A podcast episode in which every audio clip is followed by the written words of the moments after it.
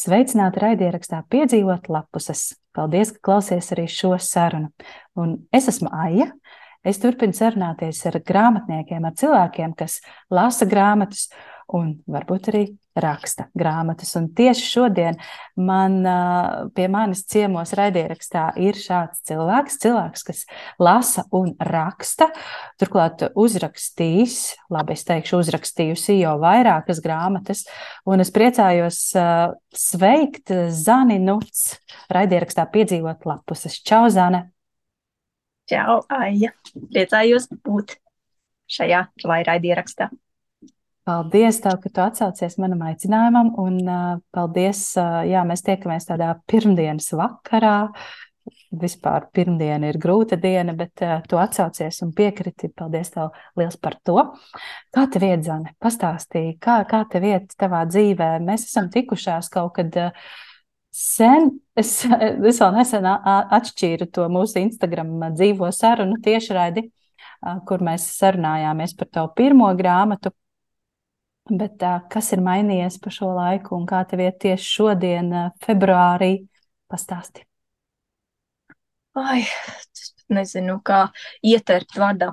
Es, es zinu, ka ir cilvēki, kuriem, piemēram, kad satiekas un prasa, kā tev iet, un viņš saka, labi, un to kā tev iet labi. Es esmu cilvēks, kurš nekad nesaka labi, nekad es vienmēr mēģināšu, nu, ja god, nu, cik vien godīgi varu, un, Un ir tik grūti atbildēt tos jautājumus un saprast, lai gluži nav tā, ka tu sāc arī teikt slikti un kaut ko, bet lai tā ir patiesa, tad man tas ir izaicinājums izstāstīt, kā es jūtos, vai kas man jauns, vai kaut kā uz atbildēt uz šiem jautājumiem, jo es vienmēr gribu pateikt kaut ko baigi dziļo vai vismaz kaut ko ļoti patiesu. Un, un, un, un, un tagad sarunājoties tevi ar tādu, pa kuru dzīvi runāt, jo viena dzīve ir tāda tīri lapas pusēs. Nu, par to, kā pieņemsim lasīšanu. Vai es teiktu, ka es esmu drīzāk tāda lasīšanas purvā. Un kā pieņemsim rakstīšanā. Rakstīšanā ir tas joprojām disciplīnas jūgā, vai kā iebīt.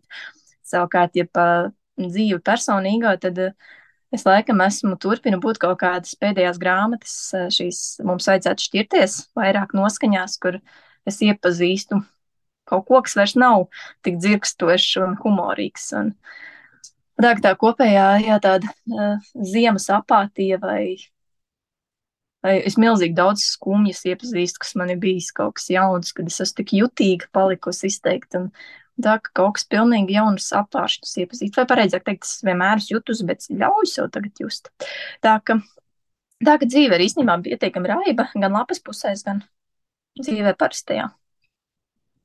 Jā, tev ir iznākusi jauna grāmata mums vajadzētu šķirties. Um, es to arī tikko, tikko burtiski esmu izlasījusi, um, piedzīvojusi šīs lapuses, uh, kas uh, atšķiras no pirmā romāna pilnīgi noteikti, un es saprotu, ka arī otrais un trešais ir bijis vairāk ar humoru un, un tāds uh, uh, dzīves svinēšana, teiksim tā, lapusēs. Uh, Bet šis, šis romāns ir atšķirīgs, un tas man bija liels pārsteigums.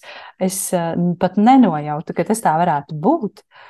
Es ņēmu, ņēmu šo grāmatu, lasīju, šķīru vaļā, un es biju pārsteigta, jā, ka, ka tu esi mainījusi savu skanējumu. Pa, pastāsti, pakomentē, kā tas tā notika, vai tas bija tāds dzīves piespiests, vai tu stāstīji, jā, tikko, kā tavā dzīvē, ka tu ļauj sev just skumjas, vai tas arī bija tāda ļaušanās ši, šīm sajūtām, un līdz ar to tap arī romāns, varbūt tas bija kaut kas apzināts, apzināts lēmums. Pakomentē. Tā tad um, es visu laiku sev jautāju to, kas, kas notiek, kā es ko daru, un uh, līdz galam, protams, tādu tīru atbildi vēl neesmu atradusi. Uh, es turpinu meklēt. Bet uh, tā meklēšana, jo es nezinu, man vismaz, es nezinu, kā citiem autoriem, bet man noteikti rakstniecība ir kaut kas arī ļoti personisks. Bet personisks nepēc, nevis tāpēc, ka tie pirmie romāni būtu tik ļoti dziļi un ka es tur dvēseli izliktu. Tieši pretēji, es viņus rakstīju ļoti attālinoties no sevis, tā teikt, neielaižot pārāk daudz sev iekšā. Un tad, kad es tā skatos tīri ir terapeitiski, kas sevi preparēju sevi, savu dzīvi, savu kaut kādu emociju, savu mentālo stāvokli, tad es redzu, ka es, es, es esmu ļoti jutīgs, nu, ļoti jutīgs cilvēks. Tā, tā, ah, abnormāli empātisks. Bet, nu, nu, tik jutīgi, un es tāda biju arī bērnībā, un es, man, es vienmēr nenormāli jūtu apkārtējos, gan pieaugu, man bija diezgan grūti būt starp cilvēkiem. Un, un, un, un tas bija tik ļoti sarežģīti, ka es kaut kur, es nezinu, kaut kādā vecuma posmā, man šķiet, jau tojos kaut pusauģi gadi, kad es apzināti mācījos nejust tā, ka es stāvēju pie spoguļa un savam ar stāstīju, Zane nejūti, Zane neraudi. Nu, man bija, es, man bija ļoti grūti, jo Un tad es, es iekāpu tādā, atradu mierinājumu tādā duālā pasaules izpratnē, kad ir labais un sliktais, baltais un melnais, un, un pareizais, nepareizais, tas ceļš pareizs, tas nav pareizs, un es biju tāda ritīgi mietu galva, es nezinu, kā sevi nosaukt, tāds ar skriena galvas uh, sienā, un man ir tikai taisnība, vai vismaz, ja ne man, tad vismaz kaut kur ir taisnība, un, Un tas īstenībā sniedz tādu, es novirzījos no tādas intuitīvās sajūtu pasaules, no tādas sevis Un dzīvoju tā kā, es nezinu, kā apmēram, ko panorāma sakat, vai es nezinu, kurš ir tas, kurš māca, kā dzīvot, bet vārds sakot, tur ir taisnība, tur nav. Visi citi ir kaut kādi stulbeņi, vai es zinu, ka man vienmēr jokojos pa visādi, smējos pēc draudzenēm, kas, kas stāst kaut ko pie kāda astrologa aizgājušā, redz, kā es viņus vilku uz zoba, un, un man viss bija tādos ļoti ļoti visādajos dīvainos toņos. Un tad, kad es sāku rakstīt, tas bija dzīves posms, kad man uh, bija piedzimis dēls, un, uh, un vispār es, es kaut kādā pirms gadiem, 12. gadā, tas sanāk, tagad 3, 11 gadu atpakaļ, pirmo reizi es, pie, es sāku apmeklēt psihoterapeitu, sāku strādāt ar sa, savu iekšējo pasauli. Un uh, iemesls arī bija nevis tāpēc, ka es baigi jūtu, bet tāpēc, ka tīri psihosomatiski man ārsti tur skatās muguru pārāk, nu, jā, pazīmes, ko es stāstu, kā es jūtos. Viņi saka, īsti izskatās, ka fiziski te nav, ka varbūt aizēja pastrādāt ar galvu. Un es tik ļoti tās visas sajūtas biju sevi apspiedusi, ka man ļoti daudz sādīgs un joprojām um, veselības klikstas lien ārā uh, psihosomatiski. Un, un tad es pirmo reizi sāku lēnām tā kā, tā, tā kā tādam sīpolam ņemt tās kārtas nost Un uh, es viņus plēšu nost, un jo vairāk noplēšu, jo es atkal sāku just.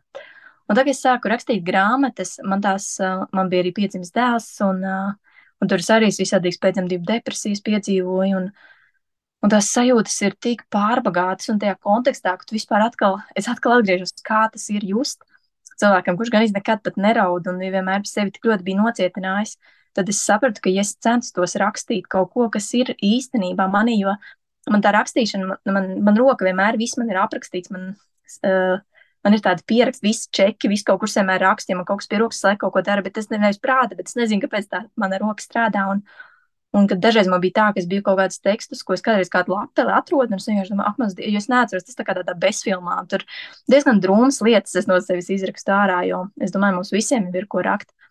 Un tad uh, tie mani pirmie romāni man bija Man vienkārši bija jāraksta kaut kas un vēlams, lai tas būtu cik viens saulains un cik vien varbūt pat nenopietns vai um, nepārāk personisks vai kaut kas tāds, tāpēc, ka es citādāk es vienkārši nespēju to sajūtu daudzam izturēt un, um, un tā es lēnām būvēju un, un, un jo vairāk sakal rakstīju, man vienkārši sāku izprast formulu vai es sāku atrast tos knifiņus, kā tu vari vispār uzrakstīt romānu, tu saproti, ka ar to manu uh, es, es esmu tāds ļoti ātrs un strauji cilvēks, kurš, ja kaut ko apņemās, es varu, es pie, ņemot vairāk, trīs gados, man šī ir sastā grāmata, un būšu septīto pabeigusi.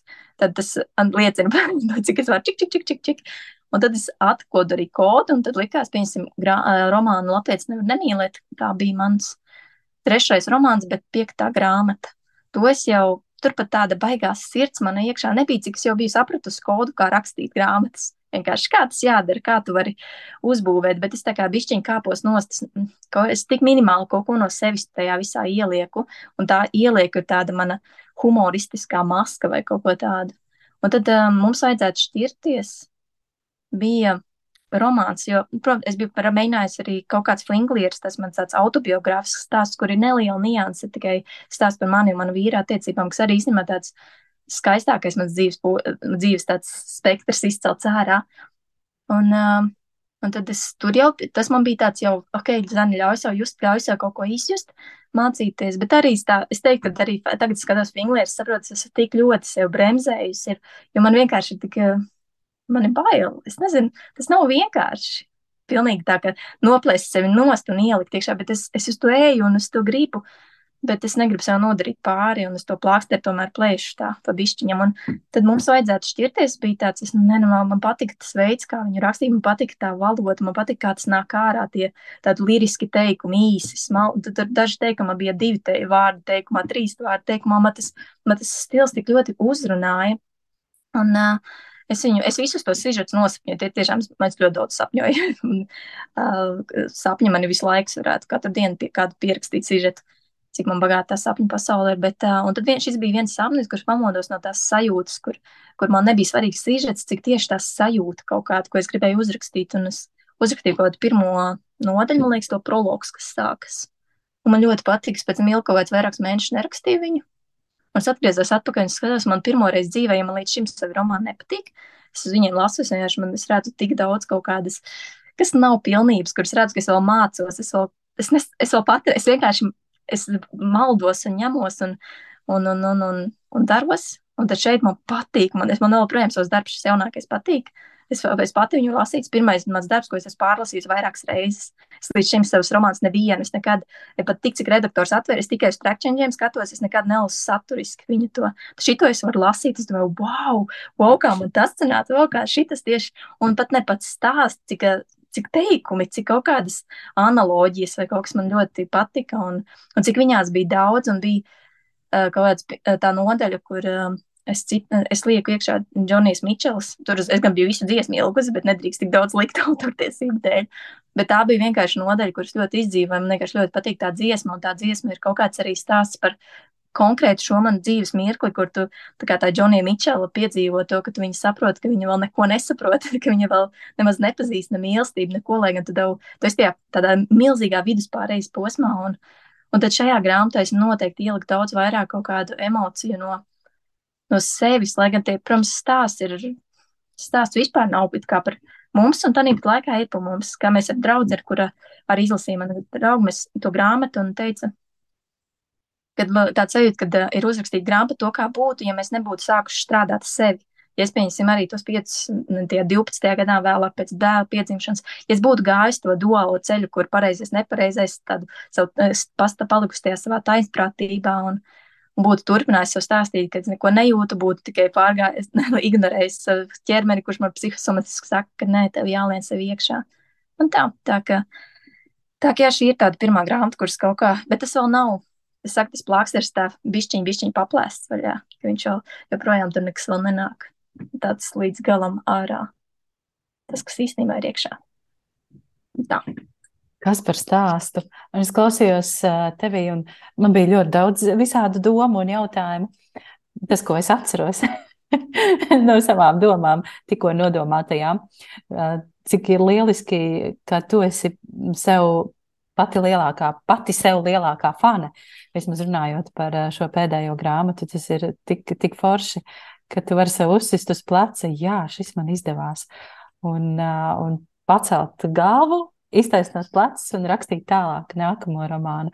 Bet es uh, saprotu, ka tas, tas atkal būs humoristiskāks. Tu atgriezies pie pirmsākumiem, vismaz sajūtu ziņā. Jā, īstenībā šis man, es pabeidzu to grāmatu, un es, ne, es ļoti gribu rakstīt atkal kaut ko. Es gribu uzrakstīt tagad to uh, mīļākās, tur bija Kristīne, uh, kura bija mīļākā tam ir uh, Edgaram. Un uh, es uzrakstīju grāmatu Kristīnu, kuras stāstu tieši tādā pašā stilā, bet Kristīnas stāstu, kurš tikai nedaudz ir saistīts ar šo viņas dzīves posmu, bet kopumā tāds viņas, viņas tāds, uh, es, ne, es pat nezinu, ko, introspekcija par viņas dzīvi. Un, uh, un man, man vienkārši patīk tas stils, un, uh, un tad es tagad mēģinu sajust to Kristīnu. Tāpat laikā uzrakstīt uh, humoristu, uh, man ir vēl tā sajūta, ka es neesmu līdz galam paveikusi savu uzdevumu, ka es gribu uzrakstīt komēdiju. Es gribu, lai cilvēks lasa, viņš smējās. Bet tā, ka tiešām smējās, ka es rakstu. Nevis tā ieķiķina vai ko, nu, jā, bija ok. Nē, es gribu sasmīdināt. Un, un, un man, ir, man pašai tā kā tie mani iepriekšējie romāni, man nu, nesmīdina viņi mani. Tāds, man liekas, es pat nezinu, kā, kurā brīdī viņi iegāja tajā kategorijā komēdija, jo, ja godīgi, ne krēklus, ne to es nerakstīju kā domādams, sasmīdināt, manā prātā tajā brīdī viņi likās pietiekami nopietni. Un tad man cilvēks sāk teikt, wow, cik tas smieklīgi sanāca rakstīt. Un tā, ah, es, tas, es vispār to biju domājis nopietni.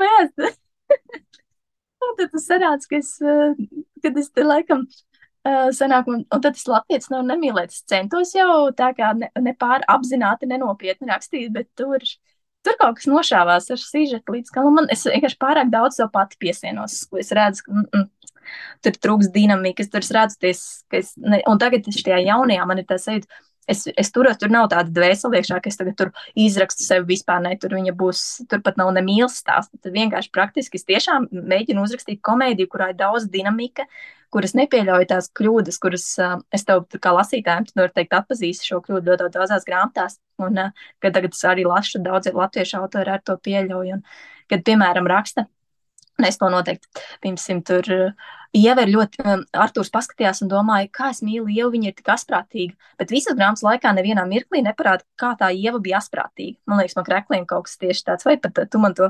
neminēji, vai es zinu, ka man to teica, un tikai tad es pamanīju, ka tiešām es, ne tikai es daudz cilvēku ielieku, ka viņa ir tik gudra, vai viņš ir tik, piemēram, tur spēcīgs, bet strīžetā nevienā mirklī tu neiedod ar piemēru, kur tu notici, ka tas cilvēks ir intelektuāls, kaut vai kādu teikumu, ko viņš pasaka, vai kādu asprātīgu, nu, ko tu gribi viņam ielikt. Un es to ļoti, jo vieglāk ir iedot to īpašības vārdu. Grūtāk ir uztaisīt to dinamiku, grūti ir uztaisīt tos notikumus, kurās tu atklāji to cilvēku, to būtību un ļauj tam lasītājiem pašam sajust, kāds tas varonis ir, neliekot viņam tā kā ah, tev jādomā par manu varoni, ka viņš ir tāds un tāds un tāds. Un, ja vēl nedod Dievs, tas lasītājs nesaprata, tad tu vēl komentāros internetā raksti, ka tu neesi sapratis. Es taču tev tā jau Un tad es mēģinu šobrīd šo grāmatu rakstīt, kuras nevienā brīdī nestāstu, kāds tas, kāds tas varonis ir, bet vienkārši ļauj viņiem dzīvot visādīgs notikums un praktiski iet cauri notikumu virknei. Un, un tad, tad man pašai tas ir interesants. Bet uh, jā, es, tas nākošais man noteikti būs atkal uh, komēdija romantiskā. Jo nevis romantiska, bet vairāk sevis komēdiju. Un tā romantika tur vienkārši, nu, ko es Es kalendārs man sauc tipu, es nemāku, es nevarētu, es nespēju izdomāt, kā tas kalnozos varēja to Janīnu tik perfekti uzrakstīt, teikšu, kā cilvēks to var paveikt. Tur laikam jābūt vīrietim, lai kaut ko tik smieklīgi uzrakstītu. Jo es tiešām tā bija grāmata, kur smējos par to, to Janīnas tēlu.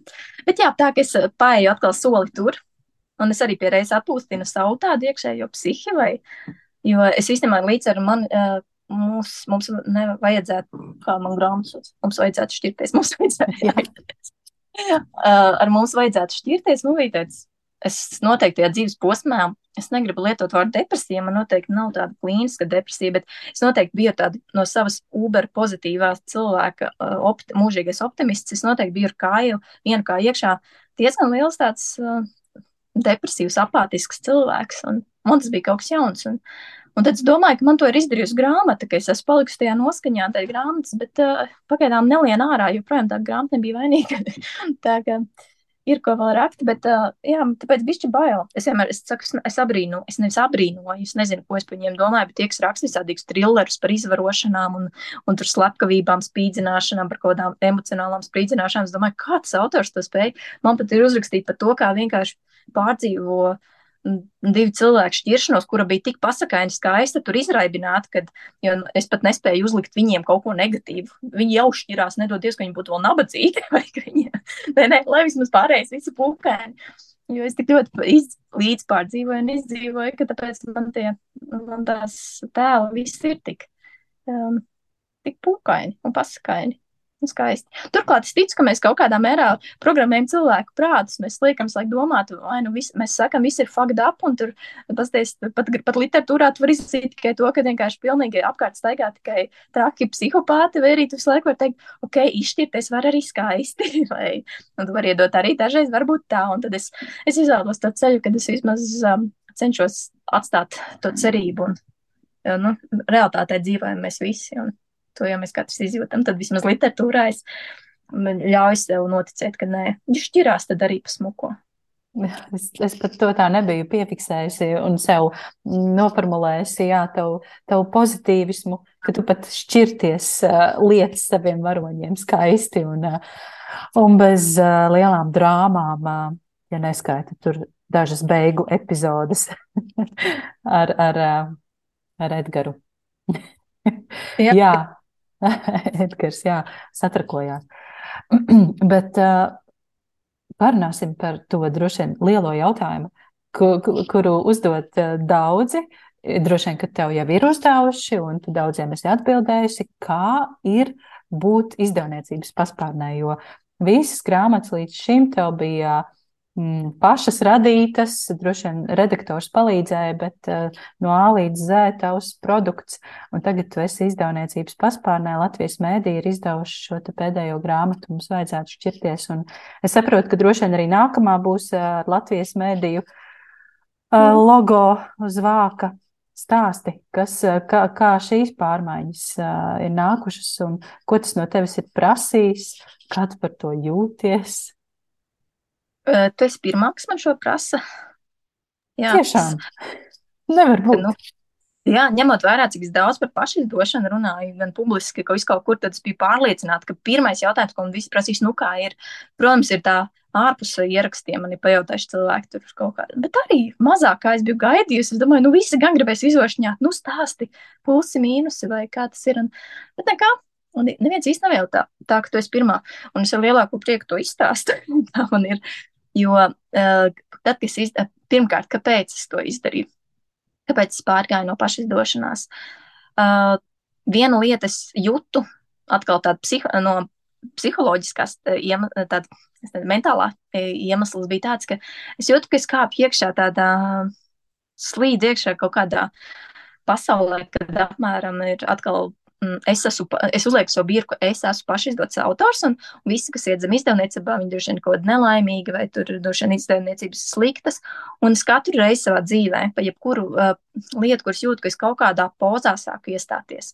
Es tev vienmēr apturu, es saku, tu tur esi bijusi, tu esi bijusi otrā pusē, lai tu varētu iestāties pozā, un, un tad es um, kaut kad ap to laiku, vienkārši pieķēru sevi, ka, nu, gribot, negribot jau Ir sevišķi, ja mani sāk ar vien vairāk citi kaut kādi pašizdotie autori vai cilvēks plāno pašizdoties vai, vai cik, kad uzzina to manu stāstu par pašizdošanās, kas man liekas pietiekami veiksmīgs. Nu, nav, nav tiem pašizdotiem autoriem tik veiksmīgi tie stāsti. Man tiešām paveicās, kad grāmatu iz, krēkli iznāca laikā, ka neviens cits neko neizdeva. es nezinu, vai es būtu aizgājis, nu, ļaus mani lasīt, ja būtu bijis konkurence man pirmajai grāmatai. Bet uh, uh, to es nekad arī neuzzināšu. Bet, uh, lai vai kā es sapratu, ka man pirmkārt uh, nu, vajadzētu uzzināt, es biju, var sakot, es biju sev atvērs durvis par to, ka, nu, ja nu kas, es būtu ieinteresēta. No otrais faktiskais uh, iemesls bija, mēs bijām kļuvuši tajā gadā. Uh, tas ir, nu, tagad man ir otrs gads iet, kopš mēs esam auģu vecāki, mēs bijām kļuvuši par auģu vecākiem, un tas ir, nu, tas ir kārtīgs piedzīvojums. Tas ir droši vien piedzīvojums, kāpēc es arī šobrīd esmu tādā apātijas depresijas stāvoklī, es vienkārši ļoti, ļoti izdegusi, um, gan mentāli, gan fiziski. Un, uh, tas ir ļoti liels notikums dzīvē, un tas tev paņem milzīgi daudz enerģijas. Un, uh, un turpināt vēl pašizdoties, kas ir atkal ļoti stresains darbs, tāpēc, ka tur ir tavi ieguldījumi, tava nauda. Nu, tu nezini, jo tiešām, nu, ka man jau nāk ārā, piemēram, piektā grāmata. Man te, tajā laikā, uh, kopš mēs bijām auģi vecāki, man nāca, mums vajadzētu latviešu nevar, ne, ārpēc ko es tik daudz tās grāmatas, es pat nosaukums neatceros. Latvijas nevar nemīlēt ārā, un es, uh, un paralēli mēs esam ne mazāk kā pusgadu bijām auģi vecāki, un, un es ņēmos, un tu viss, kas kādreiz bija tik viegli, jo būt tikai ar savu bioloģisko puiku, turklāt man, man no vīra vienmēr, man vīrs ir tā pilna laika māma, un es esmu tas, tā ka viņš man milzīgi atbilsts, bet uh, tu, nu, tiešām tas ir. Mums ne bērnās nekā nebija tāda. Mēs visi esam arī mājas skološanā, tajā dzīves posmā, kamēr puisis arī pierada pie mūsu ģimenes, un lai viņam tas būtu daudz veselīgāks apstākļus. Es, mēs, ne, es nevarēju to visu sajūt, savietot, un arī pa finansēm nevaru saprast, kad, ko darīt, vai mums riskēt, jo tā naudas laika ir tā no No, tā kā mums tādas algas nav, viss ir no šāda kaut kāda ienāk, kaut kāds, tu, un tu, tu, tu, tu nesaproti vienkārši, ko, vai tu izdzīvos, vai neizdzīvos. Un, un es ievietoju internetā postu, kad, ko darīt man šo jauno manuskriptu vispār. Ne, un arī, ņemot vērā, ka man tās latviešu nevar nemīlēt, tas bija tāds, uh, nu, es esmu sapratusi kodu, kā rakstīt, bet vai kādam liksies interesanti, jo tad pirmie darbi man tiešām vēl centos, kā es saku, man jau likās, ka es kaut ko nopietnas uzrakstījusi. es, kad nezināju, kas iekāp iekšā nenopietnā literatūrā, man jau tas bija nopietni, tad šito es tiešām rakstīju apzināti nenopietni. Un, Un tad man uzrunāja Latvijas mēdī, kad, ja nu gadījumā kas, viņi ir atvērti sadarbībai. Tad man bija tāds, es, biju, es vispār biju šokā, jo manā izpratnē Es nezinu, kā ir patiesībā, bet ņemot vērā Facebook grupā izcils grāmatas, ik pa laikam gan Vija Kilbrok, gan kāds cits izdevniecības pārstāvs, es nezinu, vai tas ir izdevniecības vai kaut kas cilvēks, bet, nu, pavērās uh, tēma par to, ka pašizdotie autori, tas ir fuj, fuj, fuj, un, uh, un ka mēs tur iznīcinam Latvijas liter, literatūras, vai es, es nezinu, ko, bet kaut vārdu sakot, mums labāk neeksistēt un nerakstīt. Un es jau nezinu, vai tas ir runā par mani vai par kādu citu, bet jebkurā gadījumā es esmu tajā grupā, un tad uh, es biju pārliecināta, ka nu, praktiski manas durvis ir aizvērtas. Nu, man nav iespējams sadarboties ar kaut kādiem pašizdotējiem, jo es esmu iekāpis šeit, es esmu šajās uh, kurpēs. Un, Un, un tam man atrakstīja Latvijas mēdī. Turklāt tie bija izdevēji, ar kuriem es, es tieši skatījos. Es pat nezinu, kas, bet intuitīvi man vienmēr gribējās sadarboties ar viņiem. Tiešām es vienmēr biju domājis, ja nu es ar kādu izdevēju gribētu, es gribētu, tas ir Latvijas mēdī. Es pat nezinu, kāpēc, kas man lika tā domāt viņiem. Varbūt tāpēc, ka uh, Lēlde Kovaļa var pie viņiem un kaut kā likās, ka viss ir fini. Vai arī, ah, es zinu, zinu, zinu, kāpēc. Tāpēc, ka tad, kad es uh, diezgan daudz jau visādīgi man cilvēciņi izkarta sirdi par to, kā viņiem ir izdevējiem, un mēdī bija vismazāk sūdzības, es biju dabūjis pa mēdījiem. Jā, tas bija viens no, kad cilvēks mazāk čīkstēja par to, kā viņiem iet. Tas bija viens no faktoriem. Un, uh, ārpēc, cik es garu, es nerunāju par garu. Uh, lai vai kā. Nesatraucies. Uh, jā, es domāju, ka tu runā interesanti, un tas ir pat galvenais. lai vai kā, nu, toreiz man bija tāds, wow, es pat piekritu sarunai, viņa, tas vēl bija Covid laiks, mēs uz Zoomā tikāmies ar Eviju un Ingu, un, un viņas, un tā saruna bija tik forša, bez tādiem bullshitiem, bez kaut kādiem tur, kaut ko man tur mēģināja iestāstīt, ka, ai, nu bez mums jau tu nekas neesi, vai tur atkal, nu, kaut ko, cik mēs krūti. Nē, tas bija tāds, tik patiesa, tāda forša, tīra sajūta, ka viņi zina, kas, e, kas es esmu. Viņi saprot, ka es saprotu to, kā biznesa strādā un cik var nopelnīt, un, un viņi saprot, ko viņi var un nevar man piedāvāt. Un, un noteikti finansiālā daļa nav tā, ko man var uh, atspēkot, ņemot vērā, ka nu, paši izdodoties pie tā, ka man, man ir tā garantija, ka man tas vienmēr to tūkstotis eksemplāru. Uh, tirāžas varu pārdot, jo man jau tie romāni ir tik daudz, un to lasītāju tomēr ir tāds stabilais lokus, kad, tad es zinu, cik es varu nopelnīt kā pašizdots, un lai izdevē, izdevējs to pašu atpelnītu, viņiem jāpiedod diezgan daudz vairāk, lai spētu atpelnīt. Bet, um, un tobrīd man bija tiešām tāds, oh, es nezinu, un tad man laikam bija tas, ka mē, mēdī atzina, ka tās latviešu nevar nemīlēt, ir labas, un varbūt tāpēc man bija tāds, nē, labi, es ieguldīšu pati, jo man tiešām vajadzēja naudu, un es zināju, kad, kad, nu, es biju izdevēja, to naudu vienkārši nevar dabūt. Un, Un es izvēlējos merkantīlu iemeslu pēc pat izdot vēl. Ar to naudu man pietika, lai es sakal, varētu pusgadu mierīgi dzīvot un rakstīt šo. Mums vajadzētu šķirties. Man liekas, biju sākusi viņu rakstīt, bet es sapratu, ka es negribu iet izdošanas procesam kopējā ar to fonu, kad es jau esmu absolūti izdegusi, ka mēs esam auģi vecāki un mēs nezinām, kā saplānot. Es nezināju, kā es tikšu galā ar izdošanu, jo es tāpēc arī ne, nespiedu papildu tirāžu latvietēm. Man latvietis divos mēnešos izpārdeva visus, man joprojām pašai mājā nav neviena tirā eksemplāra. Kaut kur grāmatnīcās ir vēl pa dažiem, bet es viņus neņēmu vairāk, jo es vienkārši netiku galā. Es, vairs, nu, es šausmīgi degu ārā un sapratu, tas, kas man no mēdīju sarunas vēl bija palicis galā atmiņā, ka viņi teica, nu, ka Viss, ko viņi man var piedāvāt, ir brīvība visu laiku rakstīt. Nu, man tad nav, jā, man nav jāpaņem tie brīvi, tas trīs mēneši, ko es paši pasizdodos un ņemos ar kaut kādām lietām, kas man jau bija apnikušas un radīja milzīgu stresu. Un tad es tā, es gribu visu laiku rakstīt, es negribu izdot. Ja tiešām tā daļa man bija apnikusi ļoti, ļoti. Vēl vairāk man riebas tā reklamēšanās daļa, bet tagad par vaims arī to vairs nedaru. Un, uh, neko es tur vienu postu ielieku, kad oh, grāmata ir iznākusi un pāršēroju atsauksmes. Uh, Tavā un, vietā izdara grāmatu blogeri. jā, un tā, par to man arī mēdījiem ir pateicība, jo agrāk man bija kauns sūtīt. Man liekas, um, Sandra bija viens no cilvēkiem, kas vienmēr aizsūtīja savu grāmatu. Tu biji, laikam, man pirmo grāmatu dabūju, un vēl bija, es domāju, vēl kādam sūtījumu, jāatvainojas, ja kādas piemirstos. Tad es tur daudziem, kas es tieši visus mazākos meklēju, tad es gribēju, es e-grāmatas biju kādam piedāvājusi, Finglieru laikam. Bet man ļoti kauns bija uzrunāt kādus citus, un es tur šādi mēģināju, un kādreiz kaut kas nesanāk, un, un man bija kauns. Un šoreiz mēdījumi izsūta visiem, visu saņem, un es skatos, visiem ir mans grāmatas, man tas, wow, un tas izlasīja, un tas izlasīja, wow. tik ātri es neesmu atsauksmes dabūjis, man laikam, nekad. Man tik daudz. Tā kā jā, tas, tāds, baigies, tas viens jau no plusiem. Esot izdevēji, vismaz pie mēdījiem, jo nezinu, cik čaka pārējie izdevēji strādā ar uh, blogeriem.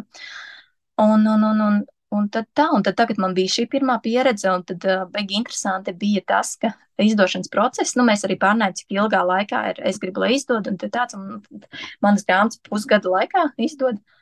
Un, uh, un, un, un, un, Un tad tas pusgads man tāds parasti, man, es uzrakstu manuskriptu, un tad sākas tas, tas darbs. Nu, tad ir tiešām es esmu pabeigusi rakstīšanas darbu un sāks nākošais darbs, tā kā maiņu darbā, divos darbos strādāt. Un tagad man tāds, ok, ko tālāk? Es paņēmu mēnesi brīvu, nedarīju neko. Nedarīju neko, aizbraucu uz Norvēģiju, tur vispār nošāvos. tad bija aizbraukt pie draugiem, padzīvot ar visu ģimeni. Un, oh, bija grūti. Bija forši un grūti. Un tad atbraucu atpakaļ, domāju, nu, nu nē, man atkal jāsāk rakstīt, un tad es pievērsos šai komēdijai. Tad tūlīt man, man drusku būs atvēršanas pasākums, un tūlīt būšu pabeigusi jau jauno manuskriptu. Un tas ir tā, wow, krūti, kad, nu, kad man nav bijis nekas pašai jādara, un līdz ar to es varēju rakstīt. Un man pat uh, jaunā grāmata vēl tik, tikko es sāku tirgoties, ka es būšu jau pabeigs nākamo. Un tas gan man ir jaunums, parasti es vēl tikai pēc tam man ir jāatpūšās. Un, Un, un, un tā, tas, bet atkal mīnus bija pusgadu. Man nav ar ko runāties par kā patika, ko domāju. Pusgadu gaidīju atsauksmes, tīri tik cik tur ar pašiem izdevējiem, ar saviem nu, izdevēju pārstāvjiem, kas tur redaktoriem un tiem apspriež. Bet arī jau nevar saprast, vai viņi glauda man pa spalvu, sakot, ka viss ir ok, vai viņi tiešām domā, ka viss ir ok. Un tad tu nevari saprast, jo pirmā sadarbība, tu liekas, jo es biju, es ar savu tādu kriticismu, kriticismu man vienmēr liekas, ja manu manuskriptu kāds izlasīs, viņš uzreiz švīks pār entajām nodaļām un atdos pārstrādāt. Un šeit tā kā nē, nu izlabo kļūdas un saka, īstenībā ir ok, vajag forši, mēs tur parunājam par kaut kādām da, gramatikas un uh, leksikas, nu, labskanīguma lietām vai ko tādu. Un, un tas man bija tāds patīkams pārsteigums. Un, Mēdījos man ļoti patīk, ļoti daudz darbinieku izlasīja, nu, kas ir iesaistīti. Man bija vismaz tur, es varēju ar kādu parunāties, kas un kā. Bet nu, viņiem atkal grāmatu ir daudz, un nav tā kā te man draudzenes un visādīgs tur visus radus, es visiem sadodu savus manuskriptus, un tad visiem lūdzos, nu, kāds pasaka, ko viņš domā. Tā ka tas man bija tāds, ka pusgads jāgaida. Jo es arī nezinu, cik daudziem var vienkārši dot savus melnrakstus un visām draudzenēm, kam es, jau man pēc tam kāds kaut ko pārmetīs, tad es tagad pirmajā reizītē pusgadu pacietīgi gaidīju, kad uzzināšu, ko cilvēki domā par manu grāmatu jauno. Un tā, tā, lūk, man pieredze ar mēdījiem. Jā, es tad, kad es mm, pirmo reizi sapratu, ka tu uh, dodies izdevnieci, izdevniecības paspārnē. Es īstenībā ļoti nopriecājos, tikai turēju īkšķus, lai, lai tā nav viena izdevniecība, ko es tev pateikšu aizkadrā. Un nedodies, ka tev ir nomakšķerējusi tā izdevniecība. Uh, bet jā, es ļoti nopriecājos, kad es uzzināju, ka, ir, tie, ka tie ir Latvijas mēdīji, jo man liekas, ka uh, jūs piestāvat viens otram. Un tieši tā kā tev bija tāda sajūta, nes kāpēc ir tāda sajūta, ka tev tur ir īstā vieta. Un, un forši, ka ir cilvēki, kas strādā ar tavu darbu un palīdz tev, tas ir tiešām Es ceru, ka tev ir komandas sajūta, radot grāmatu, un tas, tas ir svarīgi. Bet uh, vēl es klausījos tevi un nodomāju, nē, nu, Zāne ir tipiska paškritiskā latvieta, vai kā man paveicās, ka manu grāmatu vispār kāds pirka, un, un uh, kāpēc neviens tur nelabo un nesvītro, taču nodaļas jā, jādzēš ārā, un, nu jā, no kurienes tas paškritiskums, kā, kāpēc, vai tu esi vienkārši tāda pieticīga un uzmanīga, un negribi sevi pārāk daudz saslavēt, vai, vai kāds tev ir sitis ar vārdiem. Man ir, man terapeita vienmēr, viņa par mani smejas, ka es esmu paš, kā viņa teica, kad pašrefleksijas, atkarīga no pašrefleksijas. Es visu re, reflektēju, visu, no, nemitīgi katrs vārds, man visu laiku griež, un kas, ko es pāranalīzu, nu, nu apnervā visu dzīvi man iet, visu laiku analizēt visu. Un uh, tad uh, par to, kāpēc es, es saprotu, ka man to ļoti daudz saka, kāpēc tu esi kritiski, un arī publiski es nemēdzu tā teikt, šī ir kolosālākā, lai gan beidzot, piemēram, pat varētu, jo man tiešām patīk šī grāmata. Es joprojām neesmu viņu slavējis, joprojām man liekas, neesmu vēl neko ilgs. Es, es laikam, es saku, Zanē, uzrakst kaut kādu postu vai ieliec, nu, beidzot pasaka, ka tu tiešām esi priecīga. Pēc sevi paslavēs sevi, bet es neesmu izdarījis vēl. Mēģinu saņemties. Un tad um, man daudz saka, ka neesi kritiska un um, Un, es, un smieklīgākais, ka mans kritiskums, viņš nav, es neesmu perfekcioni, perfekcionists. Es varu mierīgi atdot absolūti, uh, nu pat nepārlasīt pie manuskriptu, man jau nav tur pilns ar drukas kļūdām, es, nu tas man, tāpēc, ka es zinu, ka ja es iegrimšu vēl to lasīt, es vispār saiešu sviestām, es neizdarīšu neko, un tāpēc es daru uh, kā man tieši man tagad eh, no mēdījiem uh, Linda kus, Kusiņas, ceru, kas nesajauc, viņa man foršs vārds teica, ka viņa kaut kādā vienā intervijā par tiem, ka es tajā brīdī tas ir labākais, ko es varēju paveikt. Un tad tā ir, ka es nezinu, jā, es varētu varbūt pēc desmit gadiem labāk, bet šobrīd tas ir labākais, un es labāk to dodu prom, kamēr es neesmu sākus kritizēt. Bet par to, kāpēc tas tā ir. Es vienmēr smējos, ka laikam tur mana mamma un tēta sainīgs. Man bija uh, divi pilnīgi balts un melns vecāki. Tētim es biju mazā princesīte, un viņš man slavēja no uh, pa, pa jebko, nu, es nezinu, pilnīgas absolūtas lietas, ko es vispār nebiju pelnījusi vēl, ka viņš vienmēr tur apmēram, mana meita ir pati gudrākā, mana meita pati skaistākā, mana meita valdīs pār pasauli, mana meita tur visu, un man tiešām viņš, man bija desmit gadi, kad man teica, jau man mācīja braukt mašīnu, jo es taču esmu viņa meita, un es esmu tik gudra, un es pratīšu, es pedājos nevarēju aizsniegt, bet viņš tiešām mērķiecīgi mācīja, un kad, Un, un es visu varu dzīvē sasniegt, un es visu varu. Un tad, tikmēr man mammai atkal bija, man, mēs ar brāli, mēs bijām, bijām ļoti gudri arī tādā apģērbīga. Un, un mans, mans brālis, laikam, pēc mammas teikt, tā ir gudrāks. Bet katrā ziņā man mamma vienmēr kaut kur atkal ir kaut kāds mans sasniegums liels vai kaut ko viņa vienmēr skaties. Un, ai, nu, vairim jau bija labāk vairs jau gan tavā vecumā, jau viņš, prāt, viņš jau sāk staigāt, tik gados aitavs brāl. Un tad es vienmēr sēdēju, domāju, es neesmu gana laba, es neesmu pilna. Un es, es, es, tas ir kaut kāds, viņa, un to man māma noteikti arī neapzināti, tad pēc viņa tā runā. Viņa joprojām, kad viņa prasa, viņas, kā tev patīk man grāmata, nu nav tik slikti. tas, ir, tas nozīmē arī izcili. Nu, tā, ka man, man pat draugi kādreiz, ka mums ar māmu ir ļoti labas attiecības, un mēs varam par to smieties. Es saprotu, nopietni, man padomā vēlreiz, ko tu pateici. Un viņi arī tik cenšas izdomāt komplimentus, viņai sanāk kaut kas tikpat stulbs. un, tad, un tad es saku, es nezinu, es laiks starp tādām divai, tā, divām pasaulēm no vienas puses es sev neļauju apstāties, jo es taču varu valdīt pār pasauli, varu izdarīt visu, jo man taču teica tā teica, un tad īpat laikā man ir tāds, nu jā, nu nav jau tik labi, brālis droši vien izdarīt labāk. Katrā ziņā es, tas viena lieta, ko es cenšos būt, cik vien iespējams patiesa, at, nu, būt visur, vienalga, vai tas ir tagad runājot tevi vai publiskajā telpā, es cenšos nelikt nekādas maskas, jo tas, ko es dzīves laikā esmu iemācījusies, jebkura maska, ko tu vēlkā vai centies izlikties, kāds tajā brīdī es, tas šņaudz mūs nost, tas mūs smacē nost, jo tev ir jātur tā maska, bet tu, es varbūt tajā brīdī jūtos absolūti drāņķīgi, bet kā tad es tur, man jābūt tādai vai tādai, jo es esmu tur vai tur. Un uh, viena lieta ir, ir pieklājība, un neuzgrūst citam varbūt savu smagumu, neiekāpt upurī, upura lomā un tur negrūst tagad. Bet otra lieta, ka tu mēģini, es nezinu, pieņemsim šobrīd sabiedriskā telpā, es tur varētu ai, labāk tirgosies, ja es lielīšu savas grāmatas un es tur sēdētu, teikt, tā ir kolosālākā grāmata un tur tā un tā, un es jūtos tik lepna un tā, un īstenībā es iekšēji mokos ar kompleksiem par to, ka man liekas, ka es varu labāk, vai man liekas, es vēl neesmu pilnībā izdarījusi šito vai to. Un, uh, un tad es droši vien mocītos, un tāpēc es saprotu vienkārši, ai, kāda es esmu, tāda es esmu. Labāk, labāk kāds mani nemīl, tāpēc, ka viņš nemīl patieso mani, nevis, uh, nevis, nevis mani nemīl, tāpēc, ka vēl, nē, vai mani, vai mani mīl tādu, kādu es neesmu, vai kaut kā.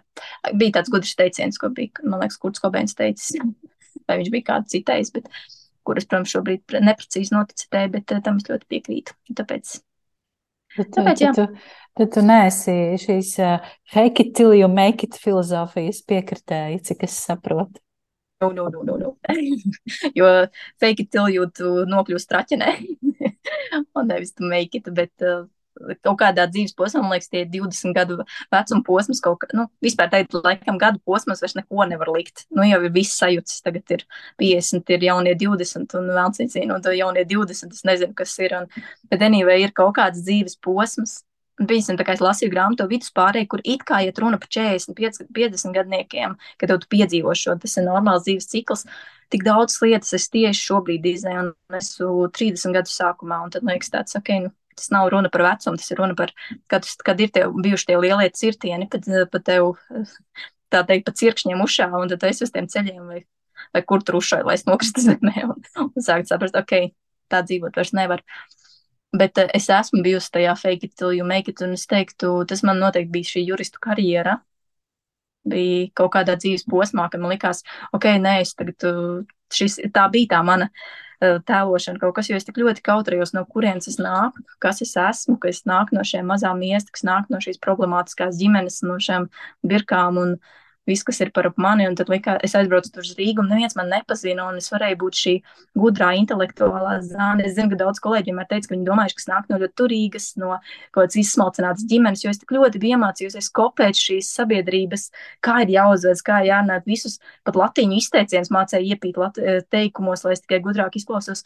Un tad kaut kādā dzīves posmā sāk ievērot, ka cik tas viss ir mākslīgi, un ka es neesmu tāda vienīgā, un kad es nezinu, kurš tāds ir pa īstam, un ja viņš tāds ir, tad man viņa bija žēl, jo tas bija īstenībā garlaicīgi, trausmīgi. Un tad kas, un tad es sapratu, ka vienkārši es tur vairs nevaru izturēt. Un, un galvenais, ka cilvēki jau visi ir forši. Problēma bija manī, ka tā nekad nebija īsti es. Un, un tad es domāju, ka es izglābšu Latviju strādādama valsts kontrolē. Un tur es arī pilnīgi citādāk redzēju, ka problēma nav tajā, problēma tajā, ka cilvēki nedara to, kas viņiem ir jādara. Problēma ir tajā, ka katrs kādā brīdī mēs iekāpjam bailēs un mēs pieķeramies pie kaut kāda konkrēta amata, vai kādam tas amats ir vajadzīgs prestižuma dēļ, kādam tas amats ir vajadzīgs elementārs algas dēļ, kādam tas ir vajadzīgs, es nezinu, lai lai mamma par viņu priecātos vai whatever, bet man lielākajai daļai nepatīk tas, ko viņš dara, un tā ir lielākā problēma. Un tad es sapratu, ka man ir, jā, es nevaru tā dzīvot, man ir jāmeklē, kas ir tas mans. Un, ņemot vērā, ka es diezgan skaidri zināju, kas tas ir. Un tā, tā rakstīšana man vilka vienmēr, un, bet problēma, ka rakstīšana nevar būt tavs darbs, tas nevienam Latvijā nav viņa darbs tādā nu, laikam Dācis Udinēna, man liekas, viens, no vienīgi, viens vai vienīgais autors, kurš tiešām ar to pelnu iztiku full time. Un tad es esmu tas otrs, kurš šobrīd, ja ne, droši vien vēl kāds, varbūt ir kāds, kurš nav, nestrādā citu darbu un tikai raksta. Bet, nu, vismaz man, man cik man, cik man zināms, es parasti viss saka, ka tas nav iespējams. Un, un kā es no lieliski apmaksātas juristes darba, no izglītības, uh, lekšu kaut kur, jo man nav tā, ka man uh, vīrs būtu tas, kurš es būtu apprecējusies bagātnieki, jo viņam, viņam jau mēs arī, arī neļaujam iet darīt to, ko viņš negrib. Viņš jau arī aizgāja kopā, mēs abi ilcām, sadavāmies rokās ilcām bezdibinī un tagad tādu mācamies darīt visu pa jaunam. Un tā, un tāpēc mēs tagad esam nabadzīgi mākslinieki, bet tā, glābjam pasauli pa savam. Un kā es teicu, es rakstu šīs sēju cilvēkiem šīs jaunās programmas prātā, kad šķirties var arī skaisti. Un, Un ar to es jūtu, ka es mainu pasauli labāk. Nekā, kad es centos braukāt pašvaldībām un mācīt uh, tālu lauku grāmatvežiem par to, kur viņi ir pazaudējuši dažus centus, jo nepareizi atskaites aizpildījuši. Tas nebija mans, es tam neticēju. Pilnīgi nespēju iedomāties tevi tādā, tādā lomā. Jā, un, un es biju, man liekas, es pat, kad es biju kā jurists, sevišķi, kad es biju ostas privātā sektora jurists, ka es pat tā kā neildīju to, to, to, to savu statusu, man vienmēr bija, es vienu brīdi pat ģērbos tā zolīdi, nu tā, es taigāju tikai žaketēs, man, es nekad nevelkāju papēžu, kas būtu zemāk par 10 centimetriem. Tā ka nekad man bija 10 vai 12 centimetrīgi papēži, un, vai varbūt kādreiz bez papēža kādu sporta apaureizu, tagad man vispār nav papēža kurpju mājā. un, uh, bet tiešām tad es, man pašai grūti iedomāties, kādas, kādas bija. Bet tajā laikā tas, tas man likās fini. Grāmatas kā pozitīvais kods, tas ir interesanti. Tad, jā, grāmatas kā glābējs, pasaules glābējs. Rekā. Vēl, vēl viens aspekts, par kuru es nebiju iedomājusies tavā kontekstā. Ko tev vēl nozīmē grāmatā, kā, kā priekšmets, kā būtne, kā, ko, kas tavā dzīvē ir grāmata? Jā, grāmata. Es nezinu, grāmata ir kaut kāds neiznīcināms mēdījis, mēdījis vai kā sauc, ir kino, ir mūzika, ir, nu, ir mākslas formāts, un, un viņi visi tur mainās un nomainās. Piemēram, tagad es tieši skatos jauno filmu Babilonu, Un uh, tur stāsta par 20 gadiem, kad bija mēmēs kino un kad ien, ienāca uh, ar skaņu kino un, un cik daudz tas vienkārši aktieri vairs neprot tēlot, nu, cik visa industrija nomainās un, un kā pat sabiedrība tur mainās un uh, ka pēkšņi tev nigro sāk rādīt, tad jā, nu, viss ir tāds. Un tu saproti uzreiz, ka pilnīgi tur sabiedrības mindsets mainās un, un cik tā, nu, tur viss, un tad tas, tu vairs nevar atgriezties pie tā. Tad, nu, pat laikā grāmata, kāda ir bijusi grāmata, joprojām ir tāda pati joprojām, man liekas, būtu iespējams uzrakstīt Bībeles tipa grāmatu, un viņa joprojām varētu kļūt arī par bestu. Nu, kad nav vairs tā, ka mm, šī tas vairs neiet. Nu, ir kaut kādi periodi, jā, tur tagad modē tādi vāki vai kaut kādas tendences, bet joprojām grāmata ir neiznīcināms spēks. Un viņa nekad, kopš grāmatas ir radīts, viņas nav, iz, viņas nav mainījušās. Nu, ir, ne pat saturu nevarētu teikt, kad ir mainījies, joprojām uh, tikai tagad jaun, jaunās kurpītēs ieliek tās pašas kaut kanta vai Aristoteļa vai Velns, viņas kaut kādu filozofu idejas, tikai ieliek jaunos mūsdienīgākos vārdos vai kaut ko. Un tad tas man laikam ir tas, ko es, eh, manas smadzenes nespēju vēl projām aptvert, ka es, es esmu tāds seklais lasītājs, sauksim tā. Es nepārzinu klasiku, vai es uh, esmu lasījis mūsdienu pārstrādi tur kaut kādas ārzemju trešus no sērijas, vai šādi tad izlasu kaut ko nopietnāku. Bet, uh, bet arī es to sortēju, jo es, piņasim, es zinu, ka es izlasīju Pūķa ķērājs Huseina grāmatu, un man ļoti patīk brīnišķīgs autors, kā viņš raksta, nevis forši, un, bet es tik ilgi nevaru pēc tam pārvaldīt to sevi, ka es tik ļoti pārdzīvoju, bet tāpat laikā es tik nenormāli daudz uzzinu par Afganistānu, un, un, un, un, un, un vienkārši brīnišķīgs darbs, kas visiem ir jāizlasa, un, un daudz tāds grāmatas, bet es, Es zinu, ka es vienkārši pēc tam pusgadu nelikšos mierā, ja es lasīšu par daudz kaut ko, kas pārāk smags un vieglāk lasīt kaut kādas trešas. Bet uh, tad es šādi tādu saņemos un pieņemsim 50 grēdu nokrāsās visu laiku to tesu no Debervilta cilts pieminēju. Un es domāju, nu, kas tajā grāmatā ir tāds, lai visu laiku viņu pieminētu. Un tad man tieši kaut kādā grāmatu apmaiņas punktā tā grāmata bija, paņēmu un izlasīju. Un, un, un, un nav svarīgi pat, pat to saturu, cik tur bija tādas reāli teikumi par, merkant, par, nu, par tādām merkantīlām lietām, par, nu, mēs to drusciņi citādāk šobrīd mūsdienās sakam, bet visamēr tas, kas ir Instagramos tās izvilktās frāzītes par to, kad uh, tur neļauj, neļauj liet, tieks mīl lietas, tur, nu, Vārds sakot, neļauj lietai diktēt savas lietas, bet tev jāmīl cilvēki, nevis lietas, un neesi materiālists un tā tālāk. Un tur tajās senajā grāmatā, 1800 šķemta, kuros gados rakstīta, un viņi runā par tām pašām vērtībām. Vienkārši es sēdu domāju, kā viņi to zināja, vai tajā laikā viņi nebija stulbi, vai. No sērijas, nu, mēs taču esam tik attīstīti, mums taču, kas tik mums te nav, mums taču tagad NLO kaut kur sāk ielidot. nu, nu, nu, par ko tik nerunā. Un tad, un tad izrādās, nē, tie vēl tas zināja visu arī šito tad un par to pašu runāja. Man liekas, tā ir tā literatūras vērtība, ka tu vienkārši uzzini par to, ka, ne, ka viss ir tik ļoti ciklisks un mēs, nema, mēs esam attīstījuši, radījuši jaunas lietiņas, bet saprātā mēs joprojām esam kad esam turpat, kur Aristotela nebūtu labi, ja mēs esam turpat. Bet mums pat vēl vairāk šīs programmas un šīs sīpola mizas ir uzaudzētas virsū, zem kurām mēs neredzam, varbūt cik mēs īstenībā esam stulbi. Un tad, tu to rāji nost un tu atzīst, es esmu idiots, un tu saproti, ah, tad jau, ja es esmu idiots, es varu sākt mācīties, es beidzot to zinu. Bet mēs esam pārliecināti, ka mēs esam gudri. Un tāpēc, jā, tā, tā ir tā grāmatu vērtība, kas uh, iet līdzi laikam un tev atgādina, ka viņi zināja to jau tad, un un tas nav iznīcināms. Mm. Patiesi, jā, nu tā, tā, tā arī ir. Gan aiz filozofa. ļoti labi, ļoti labi.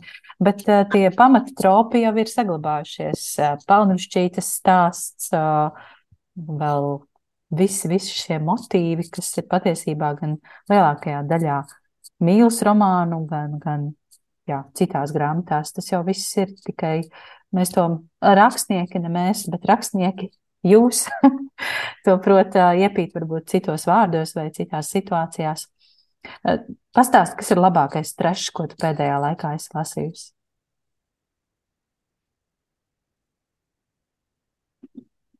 Es nezinu, vai labākais, bet pēdējais trešs bija mana Humpala Kristīna ieteica um, Book Club, Bromance from Book Club vai nu, vārds sakot, amerikāņu futbolistu roman, romantika, bet tas, kas tur bija forši, un tur ir atkal par to pašu, ko es tagad runāju, ka mēs jau liekam tās programmas tiem lasītājiem, mēs viņiem pasakam, kā ir jādomā, lai kā kas jāuztver. Un šajā trešā man ļoti patika, ka galvenais varonis stostījās. Viņš bija beisbols, bet viņš stostījās. Un um, tur pietiekami romantizēja un pat arī, ka viņš joprojām ir seksīgs, jo nu, viņam ir sešpaka, bet viņš stostās. un tas man arī likās tāds foršs, ka tas galveno, pirmkārt galvenos varoņus viņi vairs nav tur Kristians Grejs, pilnīgi nereāls, bet kad, nu, tāds, un arī pat tā sešpaka viņam piedienas, tāpēc ka viņš ir sportists un tur visai loģiski. Un, Un, un, un, un, un, tad, un tas viss tas stāsts bija uh, par to, ka vīrieši, tie beisbolisti, viņš laikam beisbolists, uh, ir sākuši lasīt romantiskās sieviešu grāmatas, lai mēģinātu saprast, kā tur um, uzlabot savas attiecības ar sievietēm, kā piemēram, tur, jo viņas tajā uzraksta tur iekšā pretī kādus teikumus teikt un visu kaut ko, un viņi tā kā iet ar tiem varoņiem cauri, un, un, un tur līdzīgs tur aiziet, mēģina tās savaņot tās meitenes pēc tās, tās savas sievas, un tur, un tur nebija tā kā, kā nocupēt meitenes, bet tieši kā saglabāt attiecības, un, un tad viņi tur taisa sev tādu slepeno klubiņu, kur viņi lasa romantiskās grāmatas, tie mačo veči, alfa tēviņi un, un tāds. Un tas man ļoti patika, tas bija kaut kas ārpus ierastā, un tas radāt, kad vīrieši, un tur bija par vīriešu jūtām, ka viņi mācījās raudāt, un, un tad tai sievai tur izstāstīja tās arī sāpes un kaut ko. Un, Un tad laikā saglabāja visa trešā īpašības. Tur bija arī daudz pilnīgas stulbības. Tur galvenajai varonē viņai bija trīsgadīgi dviņi. Tev tagad piecgadīgs puika, meita, ja. Man, uh, nu, mēs saprotam, tas nav vienkārši, viņai bija divi, bet ko tik viņa nepaspēja vēl izdarīt, visu kaut ko, un tu, tu dzīve apkārt, un viņa viena pati viņu audzināja, kamēr viņš jau braukāja, viņai tur šādi māsa palīdzēja, jo viņai pat vecāku tur apkārt nebija. Un tas vienkārši, kam on, dvīņi, viņai vispār jābūt tur pusnovēm šai palēkai izbedē, bet viņa vēl bija skaista, simpātiska un bērns vispār nolika gulēt. Ai, tikko uzgājām, viņa uzreiz aizmiega, paši uzvalk piču, ka viņiem trīs gadi, viņi ir dvīņi, tu četras stundas viņus gulēt nevarētu dabūt. un tad pat vienkārši atlīst blakus. Tāds izādīgs, kā jau tur, kā jau trešos. Bet tas bija forši. Tas man, man patīk, ka nāk kaut kāds, kad ir pilnīgi viegli, tur nekā dziļāka nebija. Tur daudz kas stulbs tajā grāmatā bija, bet tāds kaut kas jauns. Tā kaut kas. Šis izklausies tiešām ļoti labi. Man patīk šī doma par vīriešiem, kas mācās no romāniem. es kaut kādu līdzīgu tas... Netflix seriālu tikko redzēju par spā, spāņu, man liekas, seriālu, jā, par vīriešiem, kas mm, grib mainīt savu būtību un kļūt mūsdienīgi vīrieši. Jā. Un, un, un vēl, tas nav trešs, es teiktu, lasu to mīli sevi, kāda esi grāmatu, seksa terapeitas uzrakstīto. Ārpēc, es, tu esi skolotāja, vai ne? Lūdzu, pierunāt bērnus, lai viņi tev grāmatu izlasa. Es būtu bijusi, es būtu pataupījusi sev tik daudz problēmu. Man šo noteikti daudz gadus mazāk terapiju vajadzētu, ja es būtu tik daudz zinājis, jo nav jau kam to visu pajautāt. Un, un tā ir tiešām brīnišķīga grāmata. Un tajā grāmatā ir tieši viņa vesela, nu, bišķiņā veltījus nodaļu L. Jamesai par uh, eh, 50 grēju nokrāsām, kur viņa vienkārši ilustrē un arī aicina, ka lūdzu nerakstat eh, muļķī, nu, seksuāla rakstura muļķības, ka tur, piemēram, tas Kristians Grejs, viņu tur piesēja un viņš ieliek uh, pirkstu, un tā Anastāsija tur īsti nepatīk, tas ne tā iepēršana, viņa nejūt sēt, viņa nejūt komfortabli, un viņš viņai iebāž pirkstus vagīnā un saka, bet tu esi mikla, un tad viņa uzreiz, ā, tad jau man patīk, un tad tā, tā, tajā mm, seksa grāmatā tā terapati skaidro, ka, nu, tā nav, ka mūs, un ka viņi izskaidro, kā vispār darbojas ķermenis, kā rodas miklums un kā kādas, nu, ko, ko nozīmē gribēšana un tas, un kad, un kad to visu izlasīt, to pat izstāstīt, nevar tiešām tur tikai jāizlasa tajā grāmatā, un es sēžu, domāju, wow, cik tas ir vērtīgi, cik tev tādas lietas, tie tas mazi sīkumi, viņi svarīgi un atkal. Te ir tā literatūras burvība, kad, un, un tur ir arī tā atbildības uzņemšanās autoriem.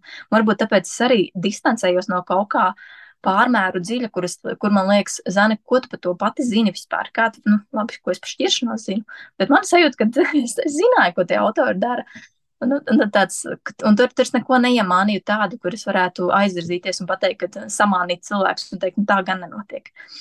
Bet, nu, kad ir tas tāds kāds kaut ko vari, un līdz ar to, piemēram, L. Jamesas gadījumā, iespējams, ļoti daudz cilvēku pieņem, ka tas ir standarts, kā tev pie tās uh, kā tev, piemēram, ah, es esmu mīkla, pat ja es negribu, tas man nejāpiekrīt, jo mans ķermenis saka, man tas patīk. Nē, tev tas nepatīk. Klausi savu, savām sajūtām, vienmēr saka nē, un nevis, ko saka tev tas un ko tas seksīgais vīrietis.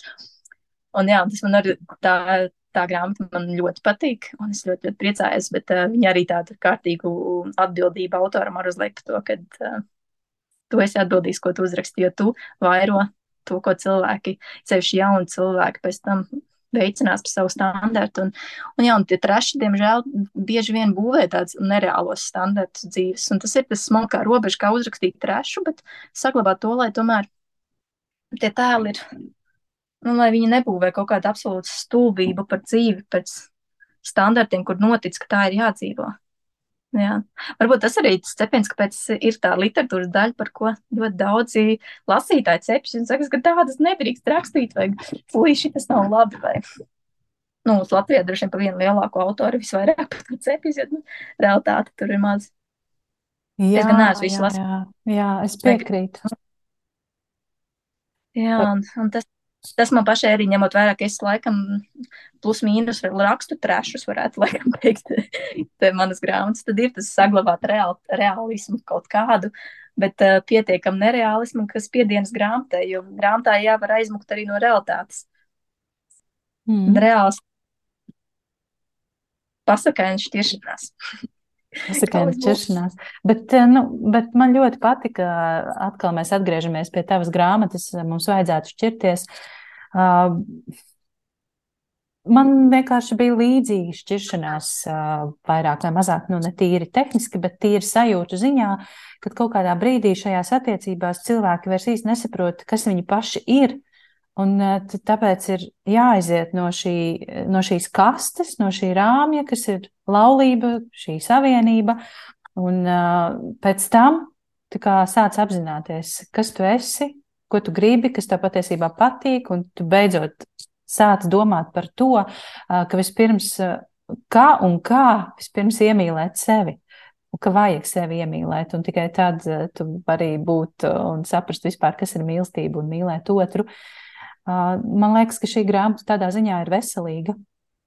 Jo, ok, mēs tur varam runāt, nu, kurš tur tā šķiras, visi taču tur skandalē un, un kliedz viens uz otru. Bet nu, nē, ir pietiekami daudz arī gadījumu, kad tā nenotiek. Un šī grāmata to ļoti labi ilustrē.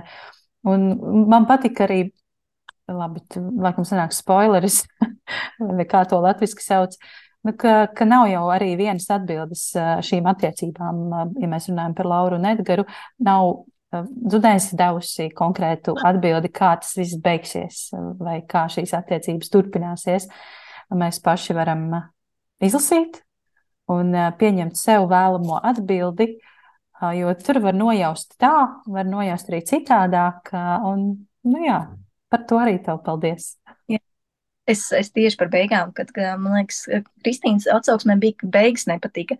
Bet uh, es ļoti priecīga par savām beigām, un mēs ar mēdījiem par šo runājām, jo viņiem arī bija. Inga tā kā teica, ka no pirmā sajūta ir, ka vajadzētu kā kaut ko turpināt, bet pēc tam viņa domāja, ka nē, ir tieši ideāli tā, kā, ka nu, nē, ir jāatstāj tā, kā ir. Un, um, Un es vēlējos, es tieši tāpēc, tas, ko es runāju, kad es negribu vairs likt lasītājiem, nu, ir jādomā tā, un ir, lūk, tagad Edgaram bija nervu sabrukums, tas, kas, kas tagad arī pats spoilers stāsta, bet uh, Uh, un tagad viņš, viņa tas nervu sabrukums izpaudās. Lūk šādi, un tev ir par to sabrukumu jādomā vat šādi, kad viņš bija slikts, vai tas tā viņš drīkstēja, vai tā nedrīkstēja, vai, vai Laura ir vainīga pie viņa sabrukuma, vai tomēr viņš pats ir vainīgs, tu, kurš ne, nav jau vainīgo, viss tas stāsts, man, es gribēju arī tieši to parādīt, ka nav neviens vainīgs, nav neviens pareizais scenārijs, un uh, analiz, domāt par to, kā kuram vajadzēja vai nevajadzēja darīt, ir muļķīgi, jo tā darīja kā viņi, tikai viņi, bet jūs paši konkrētajā situācijā katrs, lai izjūt, kas viņam ir tas, bet mērķis bija tieši parādīt, cik nu, mē, mūsu, mūsu darbības ietekmē to otru. Un šajā gadījumā Laura, kura bija pārliecināta, ka nu, viss tas stāsts par viņu, viņa nenojauta, cik daudz viņa nodara tam Edgaram, un ka viņa tā kā kaut kādā piespiedu kārtā pan, vairoja arī Edgars šo kaut kādu, tad, es nezinu, augšanu vai sabrukumu. Arī to var saprast, vai viņš sabruka, vai viņš tieši auga, kur viņam vajadzēja palikt. Bet tāda arī dzīve, ka mēs paši nekad nezinām.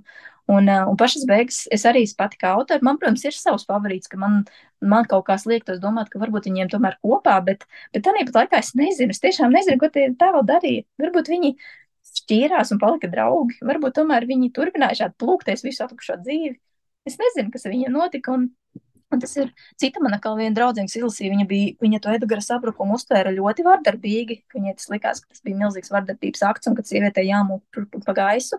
Un es tā kā patērējos par to, ka man ļoti patika tā uh, Uveras grāmata uh, Itēns visas, Un, un tieši tas, kā atspoguļo tā vardarbība, domestic violence tēma, un tas man ļoti, es ļoti atbalstu to viņas domu gājienu, bet tā nepat laikā es pats šajā grāmatā iekļāvu šādu gadījumu, kurus arī nepasaku, kā to darīt, bet izlemt, un, bet tā vienkārši var būt un izstāstīt to, kas notiek mūsu galvās, kas sajūtās sirdī dvēselē, un, bet nedot nekādu vērtējumu, palikt ārā no vērtējuma. Es tikai stāstu. Un es patiesībā, kad rakstīju grāmatas, pat jūtos, ka es esmu tā kā terapeits, kurš sēž un viņi man stāsta atnāk viens uz terapiju, atnāk otrs, tad atnāk vienā brīdī dēls, un viņi man vienkārši stāsta savu stāstu un savas sajūtas. Un lielā daļā viņi paši jau nezina līdz galam, kā viņi jūtas, kāpēc viņi ko dara. Un nevienmēr tie lēmumi ir arī sakarīgi. Manam vīram bija sarežģīti to grāmatu lasīt. Viņš, ir ceļš tā daļa, kur pēc tam, kur Oskars parādījās, viņš vienkārši, ir kaut kas dievs, kaut tik mēs nenonāk tādā situācijā. Viņam būtu grūti kā vīrietim, un vajag baigi interesanti vīriešu viedokli dzirdēt par grāmatu, kā viņš to lasīja, jo mēs sievietes pilnīgi citādāk uztveram to.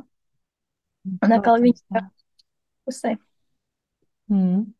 Nu, es, es tiešām esmu pateicīga par šīm beigām, jo uh, es, uh, jā, es redzu, tev ir iznākusi grāmata, tā ir nosaukums, mums vajadzētu šķirties. Es, uh, labi, tas nav tikko, bet es esmu šķīrusies, man tas ir vēl tādā uh, nu, nobeiguma fāzē šīs visas sajūtas par manu personisko šķiršanos. Redz, tu esi šajā sarunā ļoti personiska un atklāta, un esi izraisījusi, raisījusi arī mani, mani atklātību.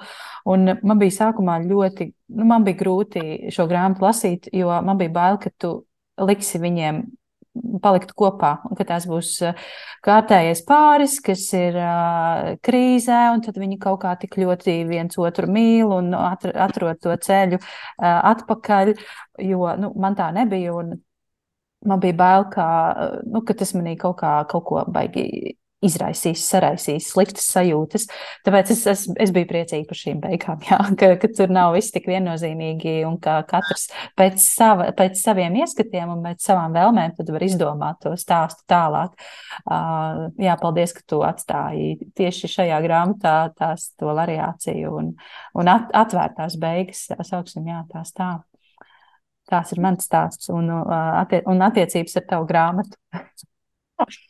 Ļoti priecīgi dzirdēt. Man tiešām tā beigām, jo jā, tā bija man. Un es arī uh, es biju tik pārliecināta, ka viņas jāatstāj atvērtas, uh, ka man pat parasti tas atsauksmes, man kaut kāds sajūta tāds, ah, nu varbūt vajadzēja, vai kaut kāds, nu, ko tu bišķi notrigero, un tāds, un šoreiz man trigera nebija, piemēram, lasot Kristīnas atsauksmi, un Kristīnas atsauksmes vienmēr gaidu ar īpašām sajūtām. Kristīnas atsauksmi nevar gaidīt citādāk. Tad, uh, starp citu, Kristīna būs manā jaunajā grāmatā iekļauta nu, īpaši tieši šī konkrētā Kristīna. Viņa to gan zina, tā ka tas nebūs tā, ka es bez viņas atļaujas uh, ieliku, bet tieši tāpēc, ka man, tāpēc man likās, tādā tajā mazajā Latvijas grāmatā. Prikolai vienkārši nirdzīgi ielikt uh, skarbo Kristīnu, autore, kuru Kristīna ir itīgi norējusi. ielikt vēl viņa jaunajā manuskriptā iekšā. Un, uh, tā būs jā, tāda tad... kā atriebība, vaza es pat nezinu, iekšā inside, inside jokes Latvijas lasīt, Latvijas blogeriem. Jo es domāju, tie, kas kaut kādi īstie literāti, kas lasa, viņš jau nenojauš par šo Instagram vidi. Un tad tie, kas atkal tajā Instagramā tusē, tad nu, noteikti nevarēs nesaprast, kurā brīdī parādās nu, mikroloma mūsu Humpala Kristīnai.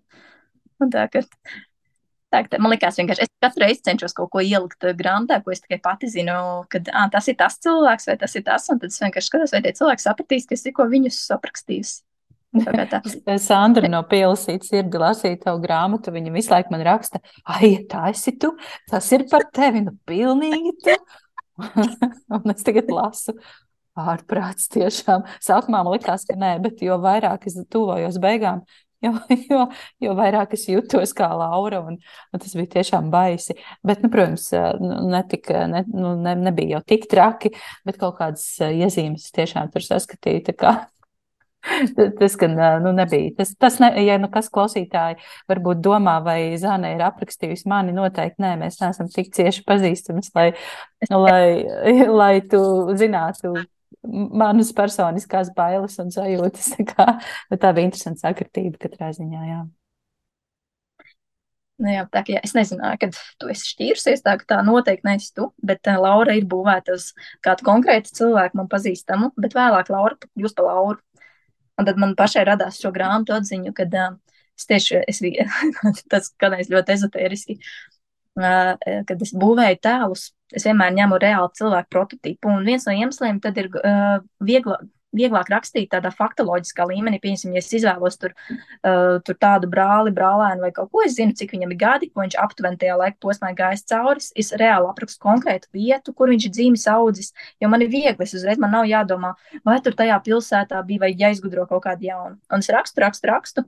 Es arī ielieku daudzus notikumus, ko es uh, reāli tas konkrētais cilvēks piedzīvojis, bet vienā brīdī tas tēls, viņš kļūst par viņu, jo uh, es taču nezinu ne tam reālajam cilvēkam, kas notiek viņa galvā, es varu tikai minēt, kā tas ir radījis, un tas tēls sāk iet savus ceļus, un tas tēls sāk, tā, viņš tā kā iegūst savu dvēseli, un, tas, un kā es, es vai draudzenei saku, ir tāds ceļš, ka es veidoju tēlu pēc kaut kā konkrēta cilvēka ģīmija un līdzības, un kādā brīdī viņā iepūšas iekšā dvēseli, un viņš kļūst par jaunu cilvēku.